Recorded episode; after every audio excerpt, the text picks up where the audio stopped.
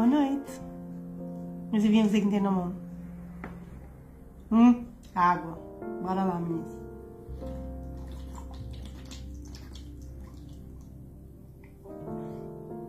Isso quase no fim. Olha, toda lambona. Olá, cá estou.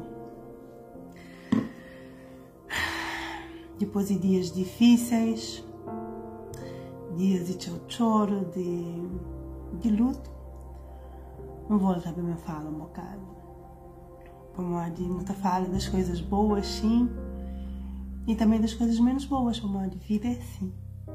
Vida é feita de altos e baixos. E a hora que tenhas movimento ali, significa você estagnar, mas é para, mas que tem mais vida. E convém não falar de tudo.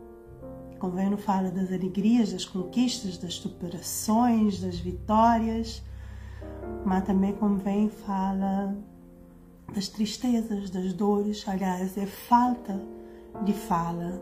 Está falando sempre, mas silêncio está mata é falta de fala de nos dores, de nos lutos, de nos tristezas, que te acaba para criar de dentro aquele mal-estar que nunca te sabe explicar depois.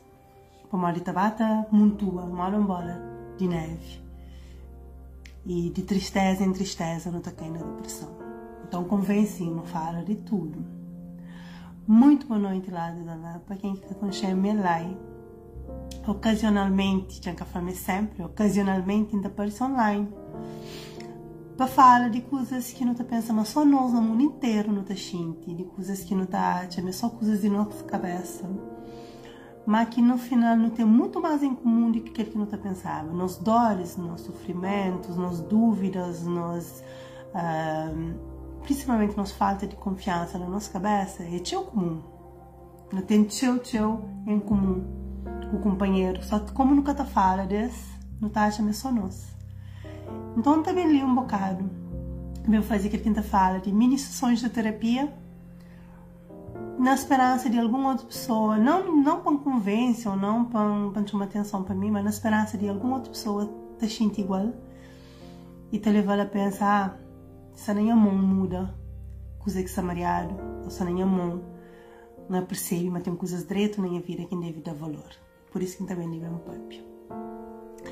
Esses últimos dias, que que que está na minha rede, que algoritmo te deixa em as posts, não sabe mais de luto, mas nos casos de luto, não perde um, familiar bem próximo, repentinamente. E aproveita para trazer dias de introspecção mas já te permite a cabeça mais de que um determinado dias de tristeza. Então hoje eu forço a cabeça, me fala. Que fica naquele um ciclo de negatividade. Não podia estar falar, ah, minha vida se corre tão mal, ou ah, coisas se acontecem um atrás do outro. E de fato está, mas tem coisa que empreende e que vira que está contra mim. Vira que está contra mim. Nossa percepção de coisas que está acontecendo é que pode que trabalha a nosso favor.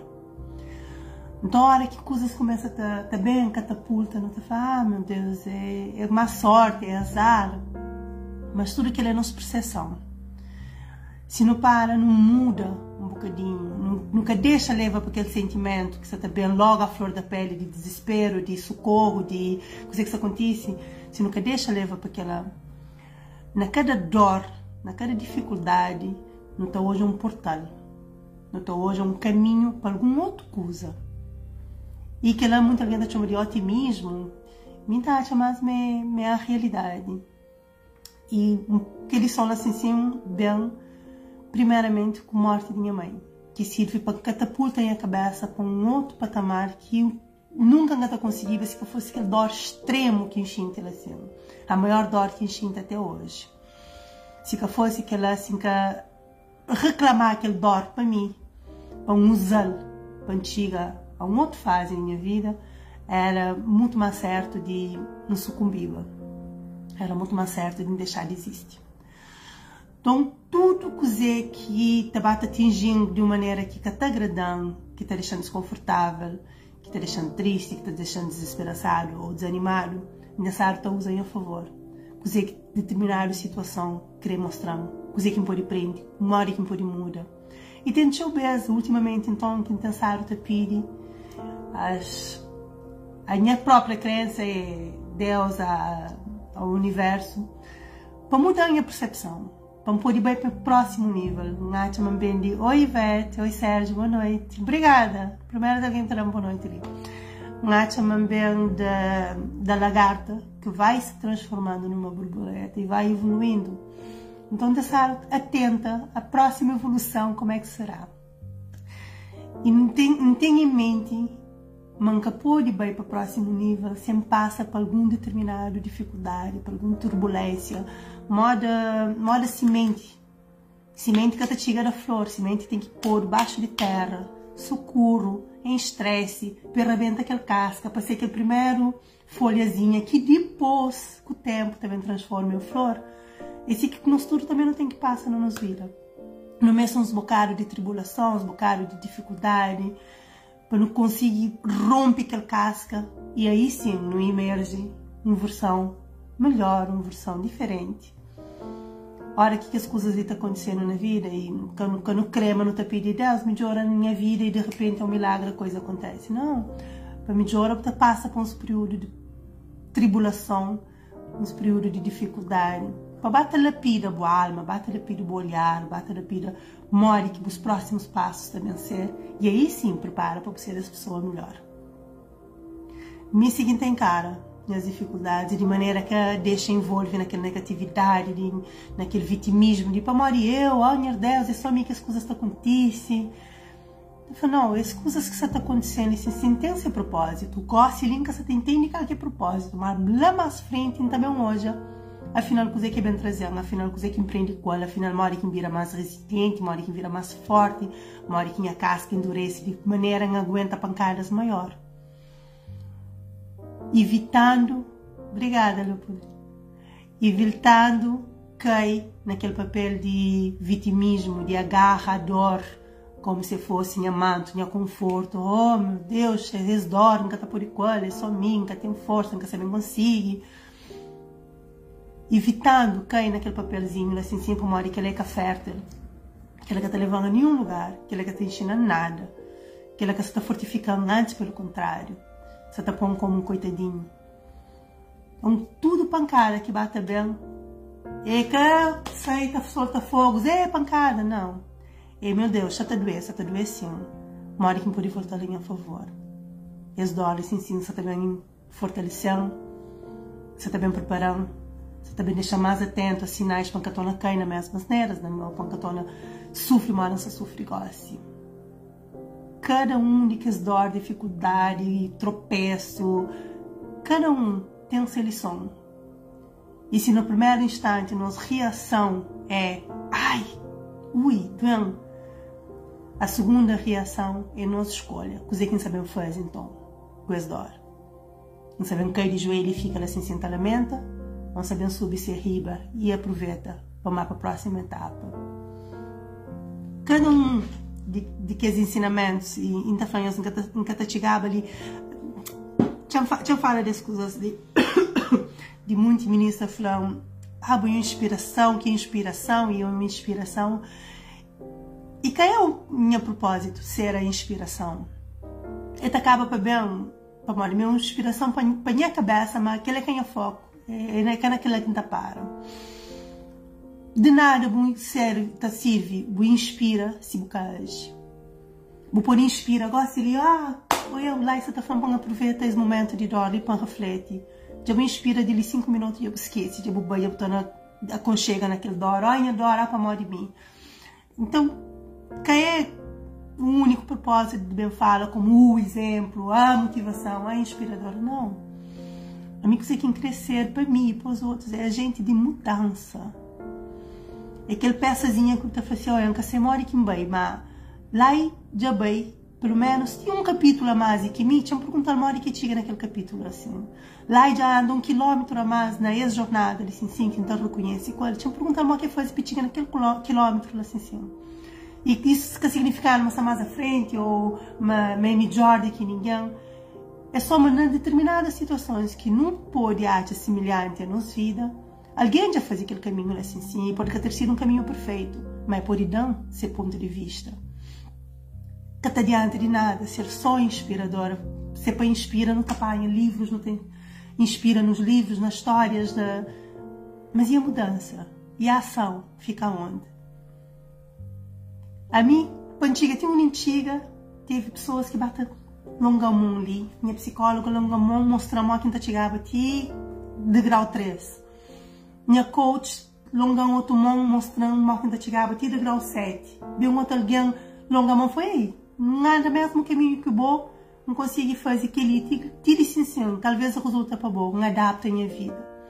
E assim sim que está fazendo diferença acho eu, na vida de todo mundo, a hora que não bate agrega conhecimentos uns dos outros. Meu conhecimento de tal assunto é esse. É que eu tento convencer ninguém. Que essa fase máscara, convencimento tem que vir de nossa cabeça. A mim está convence a cabeça, não pode vencer cada dia, não pode vencer a depressão. Porque a depressão não passa, meninas. A depressão não se cura. A depressão supera-se. E tem dias que você está mais perto dele outra vez estou na vendo boa, estou na superando. Então, uma hora que ainda vai te convencer, minha cabeça, todo dia, manta supera. Cada dia, manta supera a depressão. Ainda convence-me mesmo a as ferramentas necessárias para aquilo. E aquilo assim, sim, quem é propósito? É mostra conhece história, conhece conhecimento, mas dentro de nós não tem as ferramentas para não vencer a cada dia a depressão, a obesidade, a tristeza crônica que não chega muito bem à depressão, a falta de confiança, a, a falta de amor próprio, de autoestima. Dentro de nós não tem tudo que é ferramenta, não é se só acredita na nossa cabeça e participação. Não é só inspira aqui e inspira ali. É preciso não pirar, inspirar e não pirar, e é preciso agir. Então, a hora que a hora que ainda bem também fala de, de, das experiências não muito boas, mas dos últimos dias, em tia te ligando já já. E, e, das outras que está deixando com mais esperança é, é aquele que a mensagem da traz, sempre. Mas não te pede para ser melhor. E a hora que não pede que ela não tem que estar preparado, para que as pancadinhas para não botar debaixo de terra para não começar a florescer. Não vai ser tudo só um mar de rosas.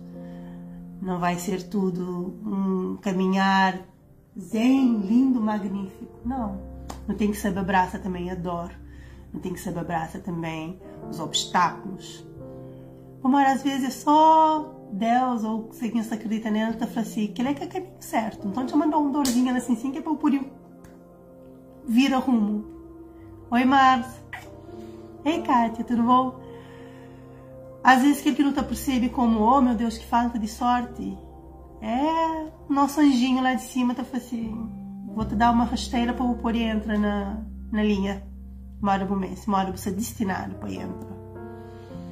Nós lembra de que ela tudo pensa, nós achamos coisas que essa corre, mora nós não se crê. Há dias não falando live, que nem tudo que que não crê é aquele que é melhor para nós. Não confia, tem fé. E por hoje era isso. Obrigada por nosso carinho, obrigada por nossa solidariedade nesses dias, licenciamos. Me deixei tão parada. E acho que no estudo, no mês de aquela ser visto, ser ouvido, gente amparado e nós proporcionando tudo que ela assim, li nas plataformas assim, não usa as redes sociais para o bem e intensado tá, tá fala tá emociona e intensado tá tem esse feedback. Muito bom. Obrigadão.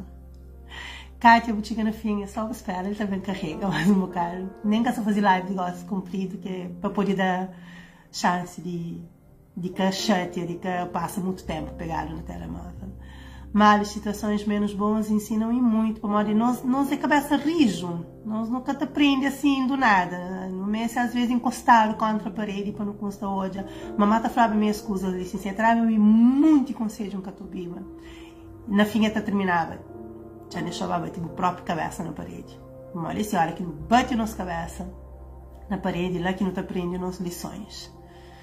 E as maiores lições da vida nunca vieram de estar sentado na mesa de um bar de divirte-cá, de sempre situações mais complicadas que exigem um bocadinho mais de nós, que exige para não sair de aquela versão atual para não ir para um outro. Acredito muito nisso. Beijos, outra vez, obrigada. E gosto contigo de trabalho, Kátia. Vá fazer as coisas com sossego. Mas fica com Deus, um bom fim de semana. Hoje eu começo, retoma exercício físico. Segunda-feira então começa forte e bravo na minha dieta. Retoma dieta, retoma exercícios uh, de peso. Quem quiser bem comigo na jornada, tem 7 quilos para perder, meninas. Nos junta. Bora? Beijão. Eu fico Deus.